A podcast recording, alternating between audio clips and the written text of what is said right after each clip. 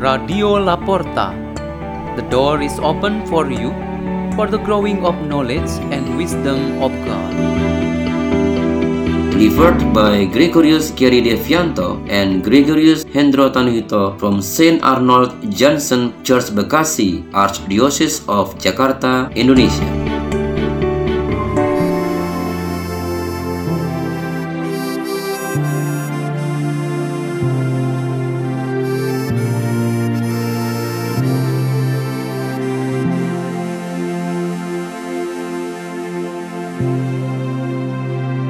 Reading and meditation on the Word of God on Saturday of the second week of Advent, December 10, 2022.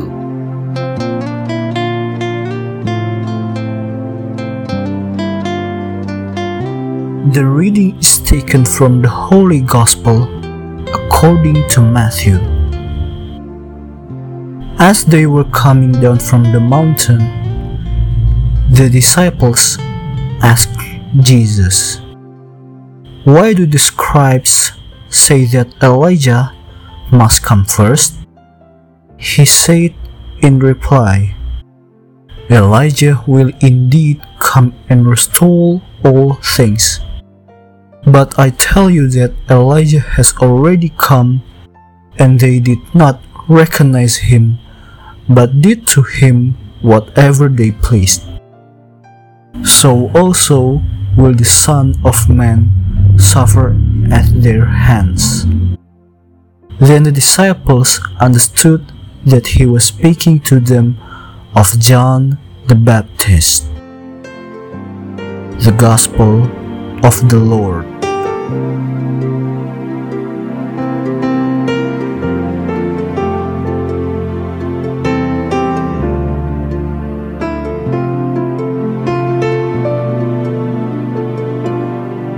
Our meditation today has the theme Elijah the Solution Maker. God, who uses the important figures to help us in the preparation for Christmas celebration, is actually His way to be always in our midst. We have often met the personage who stood at the boundary of the Old and New Testaments, namely John the Baptist.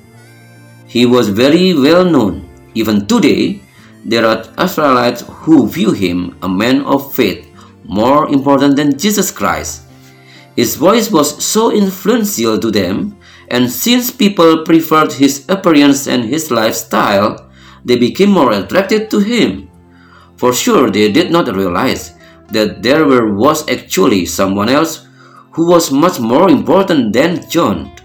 However, the spirit of Advent will not be perfect if it does not bring to us another personage who was also very well known in the Old Testament long before the time of John the Baptist, namely the prophet Elijah.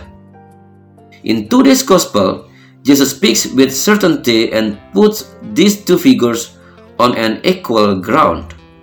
We know both of them are great prophets, and more than that, they have the same big role, namely preparing God's people to welcome the Messiah. The book of the son of Sirach describes Elijah as the light bearer and reformer. And this is confirmed again by Jesus in the Gospel of Matthew. At the time when Jesus was speaking about the prophet Elijah, John the Baptist was serving the multitude of people. This indeed revived the memory of people on the great influence of the prophet Elijah to their religion.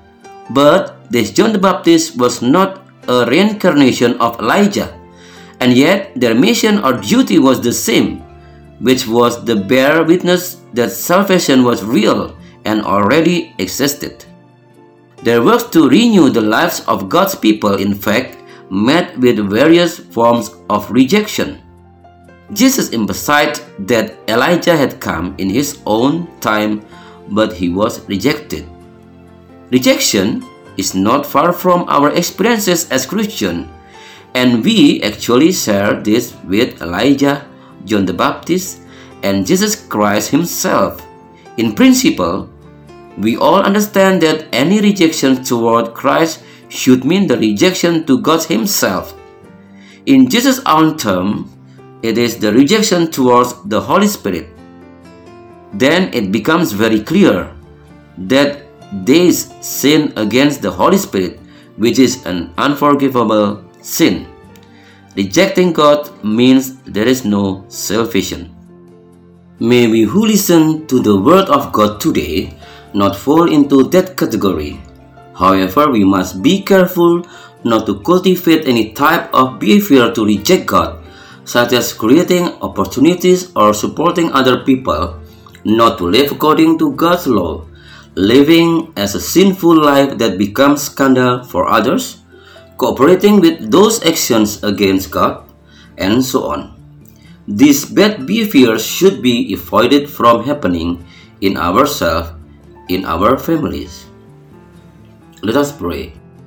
In the name of the Father, and of the Son, and of the Holy Spirit. Amen.